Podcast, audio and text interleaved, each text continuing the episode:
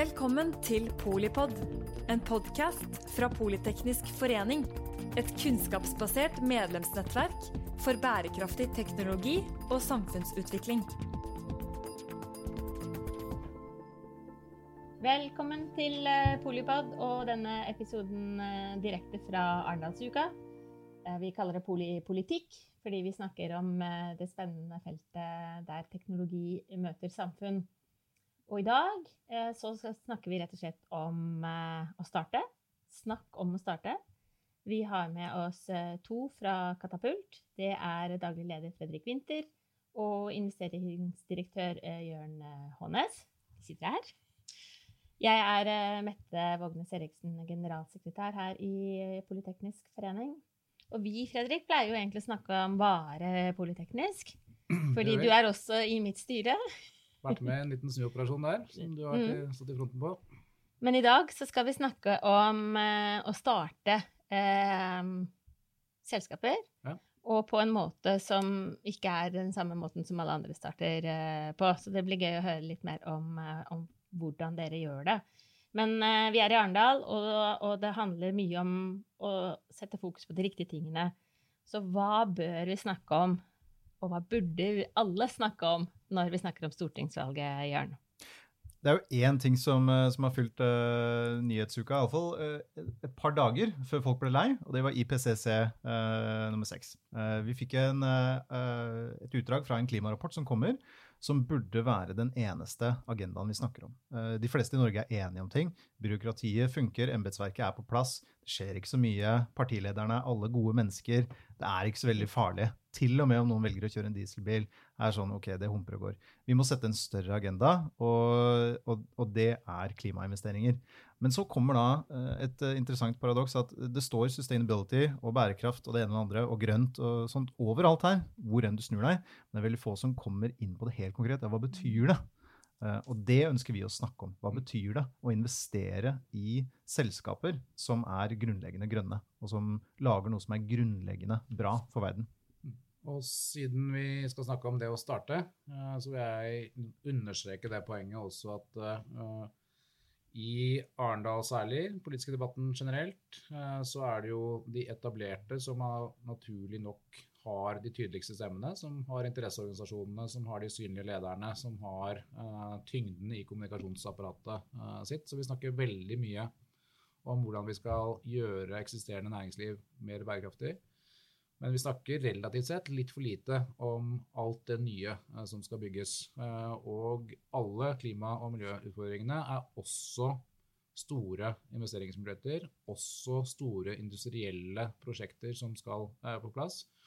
Og vi har sett de siste 10-15 årene særlig at veldig mye av den innovasjonen som tidligere ble drevet gjennom etablert næringsliv, i større og større grad kommer fra entreprenørskap. At innovasjon drifter mot å bli entreprenørskap. Som igjen henger sammen med at det aldri har vært mindre ressurskrevende, billigere, enklere å starte avanserte teknologiselskaper enn, historisk sett enn i dag. Og Det har jo også gjort at det, det relativt sett er dyrere å omstille mye av eksisterende næringsliv. Og det skulle vi egentlig snakket mye eh, mer om. Og det ligger litt i sakens natur at eh, de selskapene som ikke finnes ennå, de har jo ikke så mange talsmenn, og derfor er de litt ute av, ut av diskusjonen. Ikke sant? Men vi har i hvert fall eh, eh, to stemmer Vi- vi som prøver. ja. og, og det er jo superinteressant for uh, våre lyttere og, og oss som forening også, fordi det er jo uh, både eh, oppstarts eh, men jeg vil også si samarbeidet eh, med de etablerte, da, som jo må være med eh, med sitt maskineri eh, videre. Men, men alle må med som dette. Må med. Eh, Og relativt sett så skulle vi sett at, gjerne sett at det var mer fokus på, eh, på nyskapingsdelen. Ja. Mm.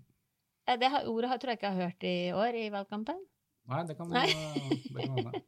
Men hva gjør dere da konkret? eh, Vi kan ta litt grann om hvem vi er og, og hva vi har gjort Mm. eh, til nå. Katapult eh, som selskap er ikke så gammelt, fem år eh, nå. eh, og er bygd opp rundt investeringer og fond i tidligfase teknologiselskaper som svarer på bærekraftsmålene. Akkurat nå så fokuserer vi veldig på Katapult Ocean, som er eh, selskaper relatert til utfordringer i havet.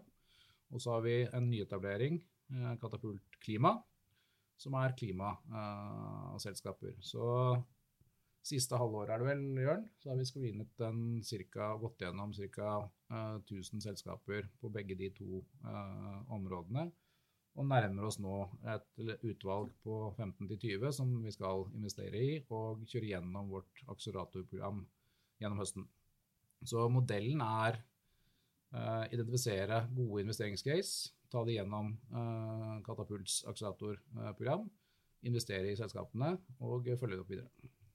Altså 1000 stykker, og hvordan um hvordan gjør man det, da? Hvordan får man det ned, så det blir håndgripelig? Ja, altså Produktet vårt er å akselerere og investere i selskapene. Uh, og alle de selskapene de løser klimautfordringer. Det er fordi vi tror at klimaendringer er ekte, og fordi det kommer til å være lønnsomt å fikse det. Mm. Og det er viktig å tenke på det. Altså, Vi investerer i businessløsninger på bærekraftsproblemene. Det er helt avgjørende at du gjør noe som er bra for verden, og som fungerer. fordi hvis ikke, så, så driver du en type Eh, donasjon eller, eh, eller, andre typer ting. Som, altså det er ikke bærekraftig i seg selv. Eh, det er kjempeviktig. Og For oss så handler metoden om å gå gjennom et stort antall selskaper og bit for bit identifisere selskaper som er innenfor vårt rammeverk. Vi kaller det impact-investering, men du kan også se på det som en slags grønne investeringer. Dette er nyetableringer. Det er det viktigste. Altså selskaper som er relativt ferske. Mm. Disse selskapene har som regel eh, relativt lite kapital eh, små kostnader. Uh, det er eh, ganske godt pakka nye team. Det er gjerne mellom fem og ti personer når vi ser på dem. De er begrensa med traction i markedet, men det har skjedd noe. De har en vare eller en tjeneste mm. som til en viss grad har begynt å fungere. Og vår oppgave er å ta risikoen og hjelpe dem. Mm. Disse selskapene har ikke masse penger å velge mellom vi kommer med risikokapital, mm. fordi det er ikke andre finansieringsmuligheter for dem. Mm. Og, det er det som kjennetegner uh, denne risikokapitalmodellen. Er de norske, de selskapene? En liten andel av dem er norske. Vi ja. investerer globalt. Vi tenker at uh, det, vi er bare fem millioner her. Det er begrensa hvor mye fancy ja. løsninger vi klarer å finne ut av ja. selv. Ja, nei, Vi ser etter de beste selskapene i verden. Eh, til nå så er det gjort gjennom akseleratormodellen 90 investeringer. Det er vel fra 32 land. Eh, og av selskapene totalt sett så ligger den norske andelen på ca. 10 ja. Og eh, det gjelder også innenfor det som vi tenker på som sant, norske paradegrener, maritim næring eh, og havrelatert næringer. Helt åpenbart. En viktig del av den norske industrihistorien. Men også der ser vi at brorparten av de virkelig gode teamene med gode løsninger, mm. som har et bevisst produkt, mm. potensielt store markeder, de kommer fra ja, eh, nesten overalt i verden. Mm. Og det er jo bra for verden, men eh, det er kanskje derfor vi ikke snakker om det i Arendal, da? For her er, snakker vi mye om Norge. ja, vi tenker jo at uh, En av grunnene til at vi har lyst til å komme hit også, er jo vi, vi tenker at det er verdt å snakke om, mm. uh, også i Norge. Mm. Selv om uh, mange av selskapene kommer fra andre land. Det virker som en slags, slags blindsone, egentlig. At det er er altså venturekapital, risikokapital, til tidligfase selskaper er, det er, det er en forsvinnende liten del av eh, det eh, globale finansmarkedet. Og det samme gjelder i Norge. Det er bitte liten mm. andel av finansmarkedet i Norge. Men hvis du ser på de største selskapene akkurat nå, de største selskapene på SMP 500 i USA, eller de største selskapene som vokser frem i Tyskland eller Frankrike eller de fleste, de fleste andre land, dette er selskaper som er finansiert av risikokapital. Det er denne modellen som er hurtig nok, eh, og som hurtig nok kan få frem selskaper som klarer å klarer å ta over markeder med nye løsninger. Mm. Og da kommer resonnementet vårt ganske, ganske, klart frem. Vi må investere ikke bare i grønne løsninger, men de løsningene som kan skalere raskt nok. Vi har ikke ubegrensa med tid. Tid er, eh, er, en verdi, og derfor må vi, uh, må vi finne de som går fort nok. Det er ikke tilfeldig hvilket verktøy du bruker for å få selskapene opp i fart. Ja, og venturekapital historisk sett egentlig ligger vi litt, ganske langt etter der i norsk sammenheng. og mm. Eh, vi er vant til store industriprosjekter mm. hvor man uh, enkelt sagt låner opp i stål og betong. Mm. Uh, eller uh, mer uh, rike norske entreprenører som kommer fra f.eks. dagligvare, hvor man bygger en butikk som blir til to, til fire, til seks, mm. til åtte og, og har organisk vekst. Men hvis man ser på teknologidreiningen og det paradigmeskiftet man har sett uh, globalt de siste årene på frems, uh, fremveksten av nye teknologiselskaper, så er det jo nesten uten unntak venture-finansiert. Norge var kjempegode på venturefinansiering når vi drev med hvalfangst og, ja. og, tidlig maritim næring. Så vi er ikke ukjent med å ta risiko, men de miljøene har på en måte blitt mindre og ikke vært så stor del av det norske finanssystemet. Nei, altså vi snakket før her eh, i dag da, om eh, da det som er Hydro og Yara i dag, da, eh, som eh, var eh, på en måte en startup av to gærninger, ikke sant, som eide og Birkeland, og som eh, gikk til Frankrike og fikk bare et helt statsbudsjett etter norske normer. Og uh, uten at eh, noen eh, skjønte på fransk uh, hva som skulle gjøres uh, med de pengene. og så var det Og det var ikke noe Det, det var i 1905, det, så det var jo på en måte modent. Men det, det fantes ikke et en patent engang, ikke sant. Sånn at vi mistet kanskje noe av den, den risikoevnen på veien, da. Ja, og jeg vil ikke svartmale helt heller, for det, den er på vei tilbake, ja. helt åpenbart. Er... Feltet ser helt annerledes ut nå enn for ti år siden, og jeg tror eh, det er mange analyser av dette, men det norske venturemiljøet fikk seg en liten smell med dotcom, og så kom man seg ikke mm. helt tilbake. Og til dels også fordi man, det, man trengte ikke gjøre det. Det var nok andre alternativer mm. å investere i. I dag ser jo den investeringsvirkeligheten litt annerledes mm. ut. Det er ikke så mange Eh, områder lenger som anses som trygge langsiktige havner eh, med, eh, med liten risiko og, og grei avkastning. Så venture blir mer og mer attraktivt, og vi ser jo miljøene vokse fram også her. Og så er det jo også blitt sånn at det er knapt nok et kapitalforvaltningsmiljø i verden, også i Norge, som ikke får mer og mer bærekraft inn i mandatene mm. sine. Så det, vi ser for oss at det er veldig mye kapital som skal inn i å løse bærekraftsutfordringene. Og vår posisjon er i den tidligste uh, fasen uh, i det.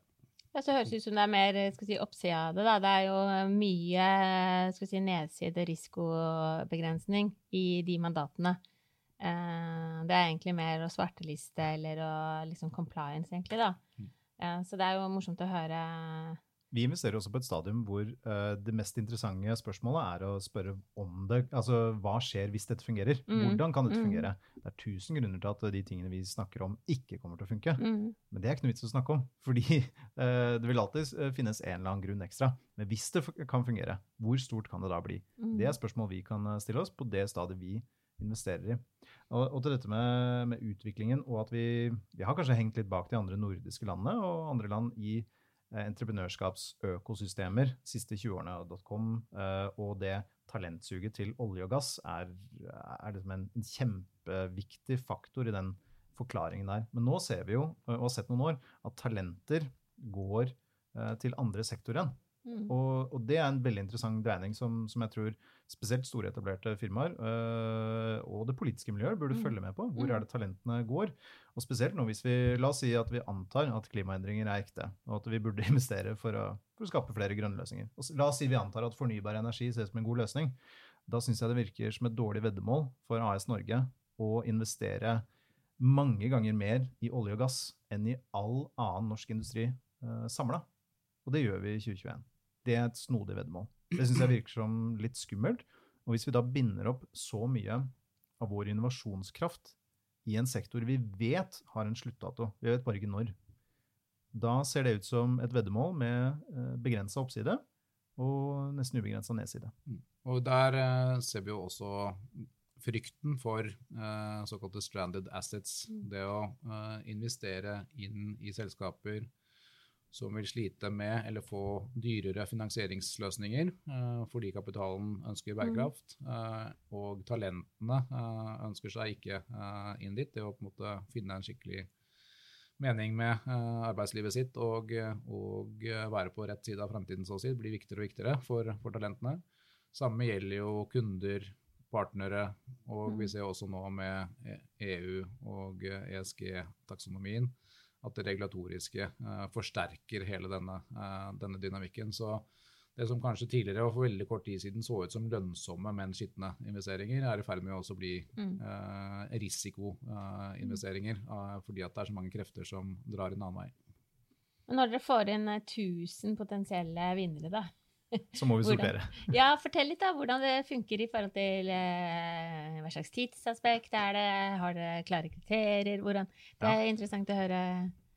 Har- Hvordan skal jeg Nei, ja, nei, eh, det, det, er jo, det, det er en kjempegøy? Ja. eh, diskusjon, for at det er jo både vitenskap, men det er også litt uh, kunst uh, i det. Eh, vi kan tracke selskaper over tid og se ganske detaljert hvem er det som, hva er det som kjennetegner eh, de som lykkes. Og det er jo Mhm. gjort også veldig mye eh, analyser eh, av det, så vi har jo en del kriterier når det gjelder eh, selvfølgelig teamene, eh, teknologiske eh, løsningene, markedspotensialene, eh, og om de er innenfor, for, for vår del selvfølgelig, godt innenfor eh, impact- og bærekraftsfeltet, om det passer inn i en akseleratormodell, om det Mm. er inn i, i den eh, fasen som, eh, eh, som vi ønsker å, å, å, investere i.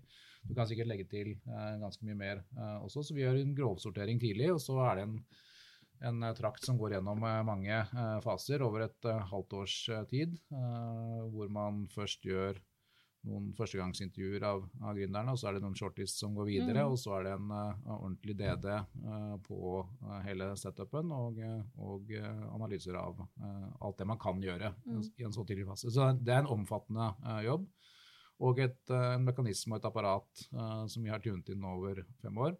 Så vi har mye intern eh, kompetanse, og så suger vi til oss også eh, alt som er av eh, ekstern eh, kompetanse. Eh, og gjør, eh, eller leser alt som er av analyser eh, på, det, på det feltet. Det er litt tidlig å skryte av ennå, men vi har også fått Forskningsrådet med på et større utviklingsprosjekt i forhold til å gjøre noe av denne screeningen med mer maskinlæringsstrukturer Mm. sammen med noen av de ledende teknologimiljøene i, i Europa. Så det, det kan vi snakke mer om eh, i en, eh, Ja, jeg om et halvt års, eh, halvt års tid. Det er artig. Mm. Men eh, hva gjør det nå at en, eh, en kandidat, eller eh, hva kaller dere det, det Selskapene vi investerer selskap, ja, hva, hva gjør at de er egnet for å gå i en sånn akseleratorprosess? Det er flere ting som, eh, som vi ser etter, men, men på toppen av lista uh, er at det er innenfor investeringsmandatet vårt. Så det Mhm. må være en reell uh, løsning på, på et klimaproblem. Vi må trekke drivhuskasser drivhusgasser ut. eh, sånn er det. Hvis vi ikke kan vise et, eh, vise til et spor i det selskapet gjør, som gjør det, da kan ikke vi investere. Eh, så det er det første. Men når vi, når vi ser på selskaper som er innenfor det, da er det teamet som er første punktet Mm. for oss. Teamet er helt avgjørende, fordi mm. en startup kommer til å stå midt i gjørma, ha masse dritt, og, og da er det et samhold og en evne til å, til å omstille seg og holde ut smertefulle prosesser er, eh, er viktig. Eh, Det betyr ikke noe for hvordan teamet, eh, teamet ser ut, eller, eller om de er unge eller gamle, eller, eller, eller hva som helst, men, men, men det er en vurdering av om teamet har, har vist tegn på å Mm. klare ting tidligere.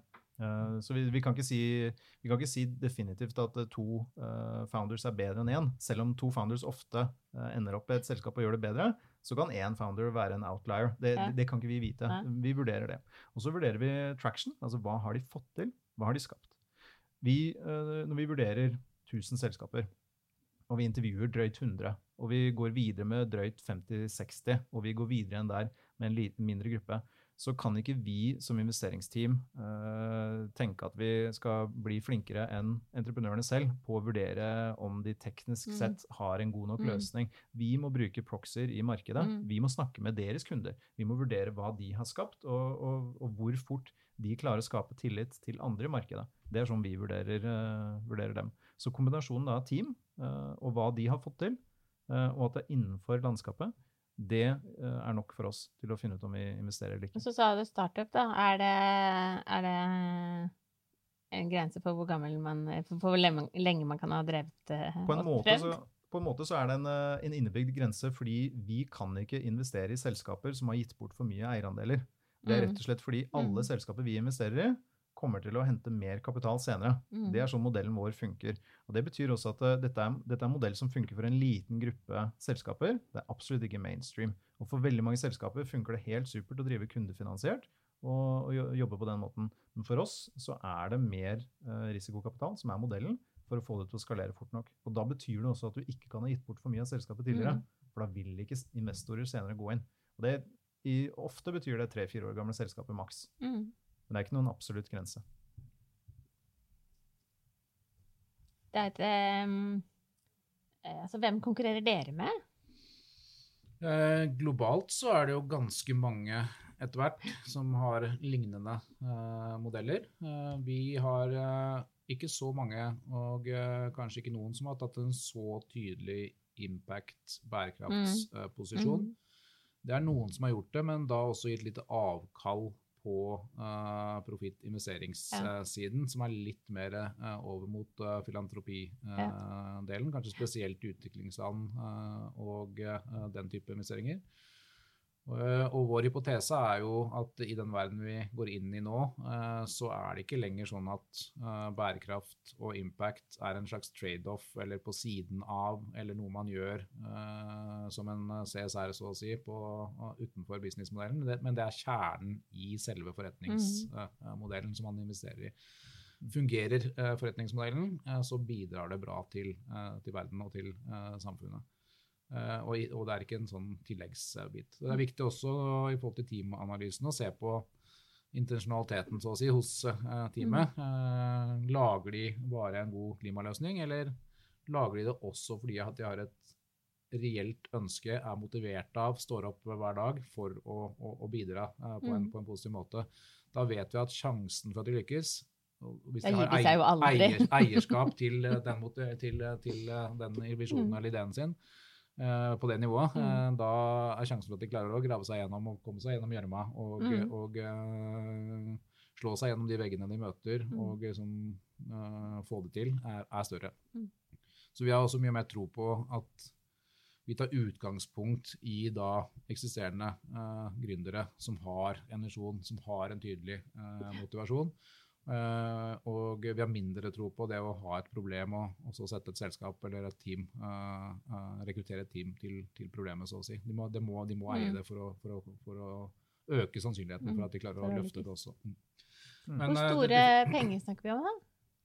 Hvor, mange, hvor mye investerer dere og Akkurat nå i Katapult Climate så investerer vi mellom halvannen og tre millioner i hvert selskap, cirka. Mm. Det kommer vi til å gjøre i eh, ti til tolv selskaper.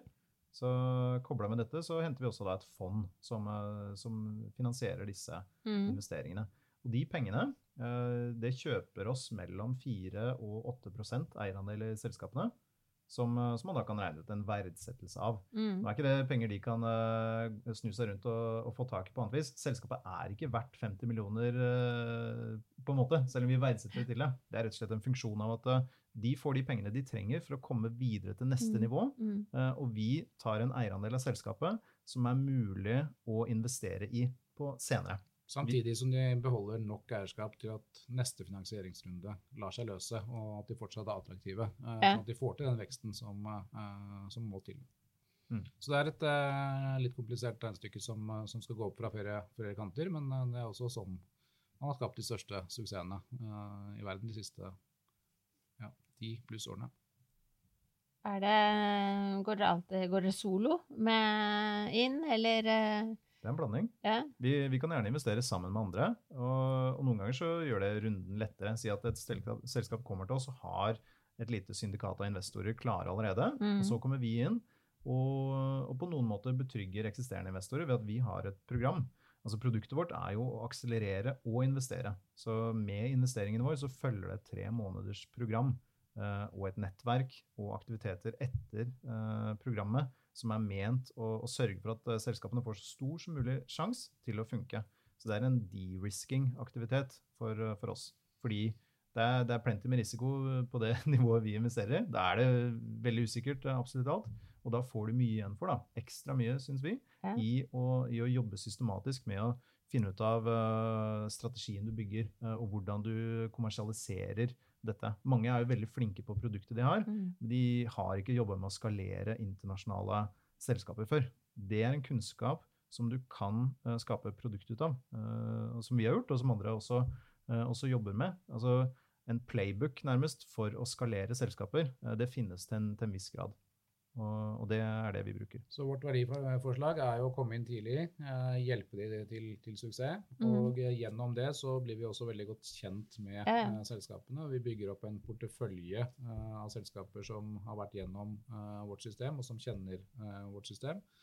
Den porteføljen passerer 100 selskaper innen utgangen av dette året, av selskaper som har vært gjennom akseleratoren. Og av de igjen så er det jo spesielt eller er det noen som gjør det spesielt bra? Og da ønsker vi også å følge opp med investeringer på, på, uh, hos de eh, som en del av eh, fondsinvesteringen. Og der tenker vi at hvis man skal sitte mer som en tradisjonell venturekapitalist og ta utgangspunkt i de samme 1000 selskapene eller i en senere fase bli kjent med og ta ned risikoen og forstå hva man investerer i, mm så har vi en kjempefordel fordi vi både har gjort den sealingen uh, på forhånd, mm. men også hatt det gjennom et uh, tre måneders pluss-program og hatt det i vår portefølje over tid. Og når vi da ser hvem som virkelig drar fra, uh, så, så ser vi også det. eller har vi også de innsiktene i selskapet hvordan det fungerer, i enda større grad enn man får hvis man kommer som investor fra, fra utsiden. Det må jo selskapene også nyte godt av. Ikke? Det er jo ikke Ja, så det er jo en Vår evne til å følge opp med investeringer mm. er, er, ganske viktig, viktig, for dem. og det er jo ikke noe, altså De aller fleste selskapene vi har investert i, de fungerer bra, uh, men det er noen få som fungerer ekstremt bra. og Det er jo mm. slik, uh, slik modellen er. Og vår mulighet da til å være med de aller beste videre, mm. uh, det, det gjør, oss ganske attraktive, attraktive der. Og, og, modellen handler om det, å finne ut av om det funker eller ikke. Det kan du ikke vite så tidlig som vi investerer, og det er derfor vi må investere i flere. Investerer du i tre-fire startups, veldig stor sjanse for at det går dårlig. Ja. Men investerer du i 30-40, da øker du sjansen dramatisk for at det skal fungere. Du sa to uh, typer partnerskapssamarbeid, eller uh, jeg spurte om du går solo, og så uh, ja. ikke sant? Du går inn og de risker. Men dere gjør også ting sammen med andre? Verdt å nevne, når vi bygget opp uh, Katapult Klima nå, så har vi en uh, industripartner, uh, Lundin Foundation, som kommer ut av Lundin-apparatet. Og det er ikke en selskap eller en virksomhet som de fleste forbinder med impact og bærekraft. Og våre resonnementer der er jo da at vi ønsker jo med, med vår setup å bringe så mye kapital som overhodet mulig inn i fremtidens næringer. Eh, og da må vi også akseptere at den kommer fra fortidens næringer. Eh, sånn er det med de pengene som er i omløp i verden. Eh, og Lundin har et ønske om å være med på den utviklingen, og spesielt da innenfor klimarelaterte selskaper. Så det er en type partnerskap som vi åpner opp for hos noen. Jeg syns det er ekstremt spennende. Jeg har jobbet i masse store selskaper, og det er mye intraprenørskap.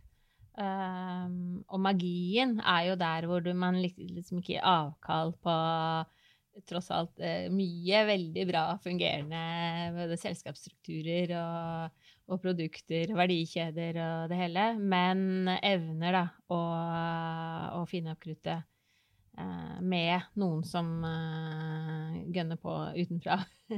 og det er Eh, jeg vet ikke Hvordan kommer dere som venture inn i den type Altså, de selskapene dere ser på, er, har mange av dem større partnere også, eller er det mye Er det såpass tidlig at man på en måte må finne seg selv først? Veldig mange selskaper har også, også større partnere. De, om de springer ut av industri, større industriaktører, eller har de som pilotkunder, eh, eller på annet vis har de som mm. partnerskap, det er jo ofte, eh, ofte tilfellet. Det er jo blant partnerskap også du finner, eh, finner kjappest businessutvikling. Altså ja. For store, etablerte selskaper mm. så er det knallvanskelig å drive omstilling og, og innovasjon. Mm. Og, altså, bare tenk på hvor vanskelig det skal være i et, på, eller, i et selskap på 1000 pluss mennesker. skal du kanskje ha et lite team da, på ti personer. Uh, men de har kvartalsmåling, de som, ja, ja. de som, alle andre. Det er veldig vrient å finne store corporates som virkelig setter av penger mm. til, eh, til, å finne på noe nytt. Uh, og si at de gjør det, da, og setter av 10-20-30 millioner over noen år. Eh, er de da villige til å akseptere det som er eh, hit rate for startups generelt? Mm. Det er ikke noen større grunn til å tro at du skal lykkes bare fordi du kommer fra en corporate. Det er kanskje eh, god grunn til å tro at du har mindre fokus når du kommer fra en corporate. Mm. Så startups, altså det å få noen der ute til å betale for varen eller tjenesten du lager, er i seg selv knallvanskelig. Det er ingen god grunn til at det skal skje lettere fra en, fra en eksisterende bedrift. Det er rett og slett magi.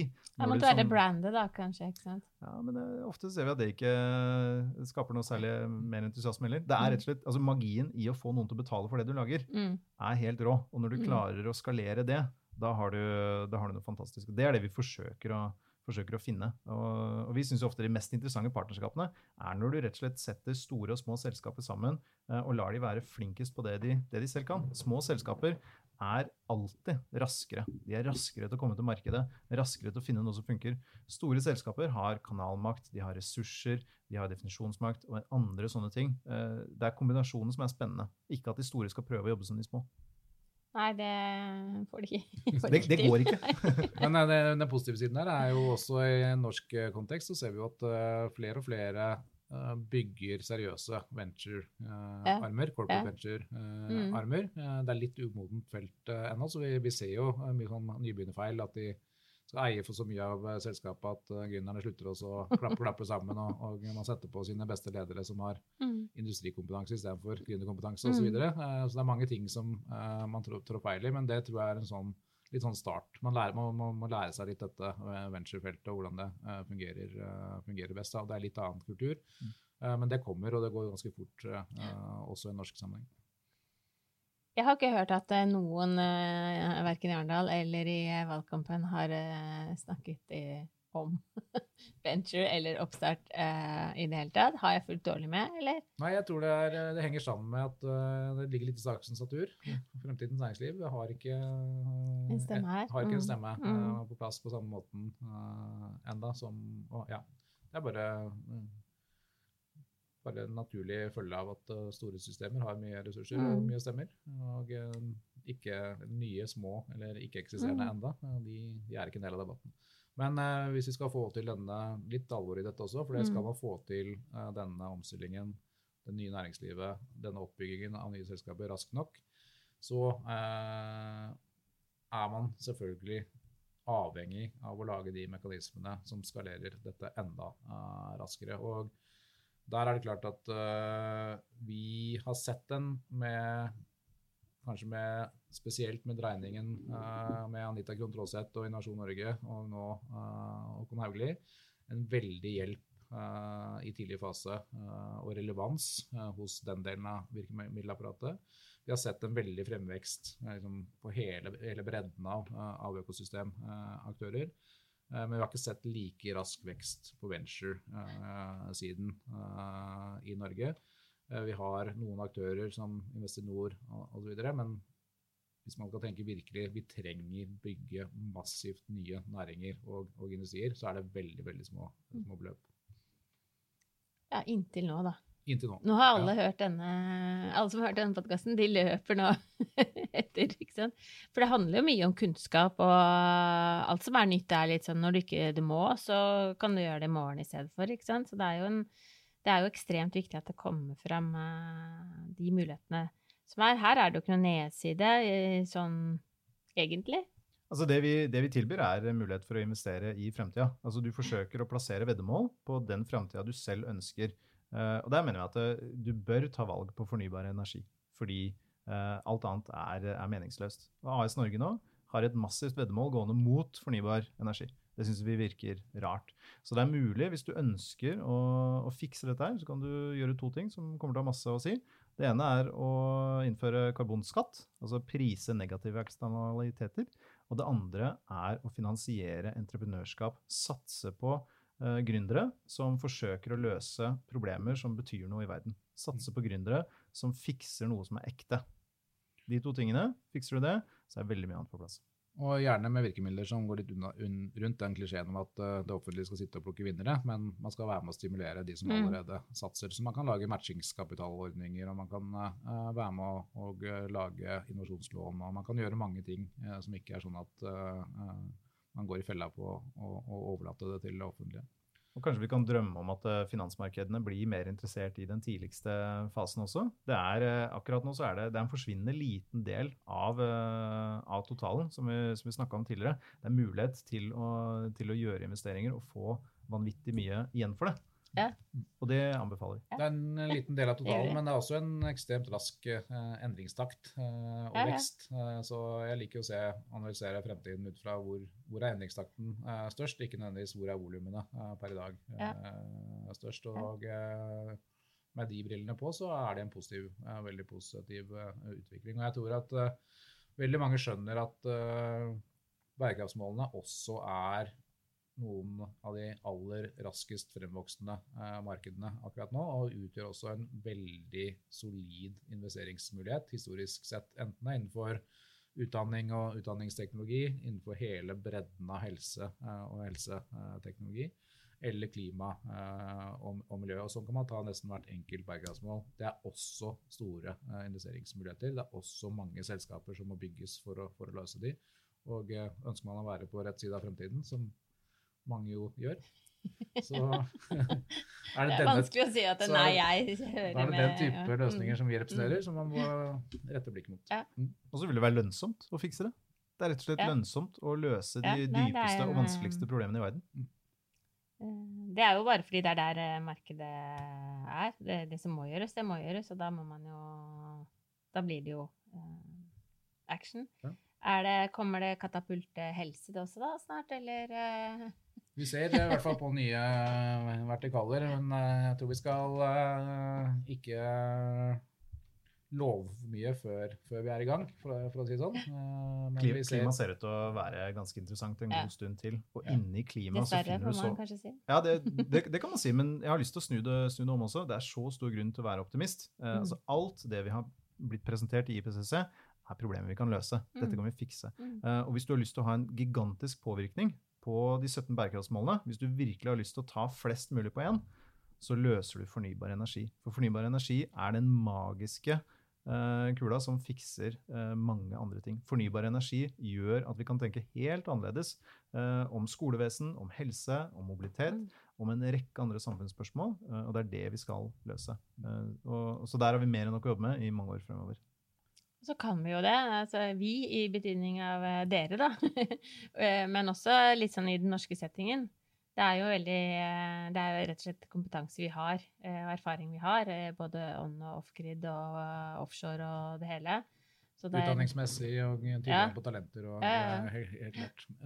Og sammen med hav også. Det er jo derfor vi har en, en tydelig katapult. Ocean-satsing inni dette. Og jeg kan også si vi, vi er akkurat i gang med et samarbeid med, med Norad, hvor vi bygger opp uh, en tilsvarende men selvfølgelig tilpasset uh, lokal kontekst i Afrika. eh, og den kommer til å være mer dreid inn mot det som heter agritech, matteknologi. Mm. og det er også ingen hemmelighet for noen, tror jeg, at mat og utviklingen på det feltet er det også ekstremt store uh, utfordringer Mm. uh, som må løses uh, innen veldig kort tid. Mm. Og også et, et bra felt å rette investeringene sine, sine mot. Ja, det hører jo sammen med så vidt fornybar og ja. Ja. Jeg har hatt en kort, kort oppdrag i Mosambik på et lite Agritech-prosjekt. Ja. Det er jo det er bare Det er klart at det kommer til å lønne seg, og det er klart at det kommer til å bety ekstremt mye. Så det Så er, vi, eh, vi, vi men hva fikk dere til å tørre, da? eh, Dette? Er dere jeg, jeg- Det må jo være syns- noe med dere òg? Jeg syns eh, det er mer skummelt å tenke på eh, alternativet. Skulle du ellers gjort? eh, jo, men jeg tenker eh, risikoen for stranded assets er eh, reell. Hadde jeg brukt mine neste 10-15 år eh, i en eh, næring som jeg ikke trodde på var en del av eh, fremtiden, så kunne jeg fort eh, stå der og ja, eh, være utdatert kompetansemessig, erfaringsmessig og eh, også i forhold til hva skal man se, se egne barn i øynene og eh, Mm. eget liv i speilet. eh, være på den mer bitre siden eh, når jeg ble noen, noen tiår eldre. Så eh, jeg tenker at eh, jeg er ganske Du safer egentlig, du Jeg er faktisk safe, safer, egentlig. Prøver ikke å bli en stranded asset. Jeg prøver å gi rådet til, eh, til yngre folk jeg snakker med. Altså det beste du kan gjøre hvis du er usikker på hvilken yrkesretning du tar, er å begynne å jobbe i et hurtigvoksende selskap i en hurtigvoksende-kategori. Fordi da vil du få en vanvittig læring som du kan ta med overalt ellers. Eh, og det fulgte jeg jo sjøl òg. Jeg syns det hørtes ut som bra råd. Så det, å- det å være med i, eh, i Katapult, og være med i en sektor som, som blir større, og som blir mer viktig, eh, det, det gjør at du får tilgang på folk som eh, andre talenter som er interessert i det samme, og et miljø som har høy læringsrate. Eh, Og det, det er kjempeviktig. Finn andre som har høy læringsrate, som klarer å, eh, klarer å omstille seg fort. Så har du større sjanse til å være med på noe som kommer til å bety noe, og som kommer til å være interessant. Ja, for det, er, det ser ut som dere har det gøy òg. Nei, vi har det veldig gøy. Jeg har satt Så det er et element av det. det Jeg har satt Det meg som mål at jeg skal bruke de neste ti årene på å forsøke å få så mye kapital inn på riktig side av fremtiden Mm, som, mm. som mulig. Og da er dette en av, en av Mm. mekanismene som eh, både kan gi solid avkastning, men også å være med å løse de største problemene vi har. Det er en svært privilegert posisjon. Gi penger til de smarteste entreprenørene Mm. som løser de viktigste problemene. Det, det er flott. Så der, der er det ikke lov å klage. Nei, det kan jo egentlig aldri bli feil, og, og det er sikkert eh, ekstremt moro eh, underveis. Så veldig artig. Jeg, jeg, jeg skal ta opp eh, lommeboka etterpå, så, og så se på Vips over litt i fondet. det, Vipse, det det, ja. det er veldig bra. Det er, eh, da regner jeg med en eh, Nå har jeg notert meg flittig her eh, at det eh, er en oppside jeg kan eh, glede meg til eh, sånn rundt juletider. Så det, det blir bra. Der har vi noen temaer vi kan gjerne snakke opp. eh, Ja. Ta opp igjen, ja. Men det er, eh, det er ikke det siste vi ser til hverandre her. Jeg tror det er, eh, det er jo også gøy å følge en, en sånn Rett og slett se på noen caser, eller høre om noen caser, og få det, få det liksom Sett litt sånn eksempelets makt, da, gjennom spesielt selvfølgelig de som lykkes, men også noen som uh, Altså, det er ingenting er så bra som uh, å mislykkes. Ja, Hvis det du ligger skal i hvert fall like, like mye læring i, Ja, i ja. eh, eksperimenter som feiler, som de Ja. som går bra. Ja. Vi innleder jo samtalen med det å se på altså, hva er det som konkret er det grønne skiftet. Sånn. Og det er selskapet vi ser på nå. Et bruker satellittdata for å måle eh, presisjonsmålet eh, fornybar energi i form av vannkraftverk, snøsmelting osv. Mm. Et annet uh, lager uh, 30-40 eh, CO2-fattigere betong, uh, lokalprinta. Mm. Et eh, tredje selskap eh, hjelper eh, solkraft eh, desentralisert i, eh, i Afrika gjennom en smart finansieringsmodell og software som, som muliggjør små, uavhengige kraftverk. Altså, dette er ting som, som konkret er løsninger, eh, og som er lønnsomme fordi de løser ekte problemer. Så det tar vi deg gjerne på ordet på. En Ja, eh, egen, egen episode hvor vi går gjennom eh, de beste casene. Ja, det er veldig bra. Da tror jeg vi rett og slett også kan kjøre en powerpoint. Ja. Da kan vi peke. Den er jo heller ikke å kimse av. Tusen hjertelig takk, eh, Fredrik Winther, daglig leder i Katapult. Hjertelig takk til eh, Jørn Hånes, eh, investeringsdirektør, eh, også i eh, Katapult. Og tusen takk til deg som eh, ser på, hører på. Jo, eh, du skjønner jo nå hvor du skal gå hvis du har eh, litt i overs, eh, eller er klar for å jobbe med noe som faktisk make an impact. Takk for at du lyttet til Polipod fra Politeknisk forening. Få med deg flere episoder, eller bli med på nettverksmøtene som du finner på at polyteknisk.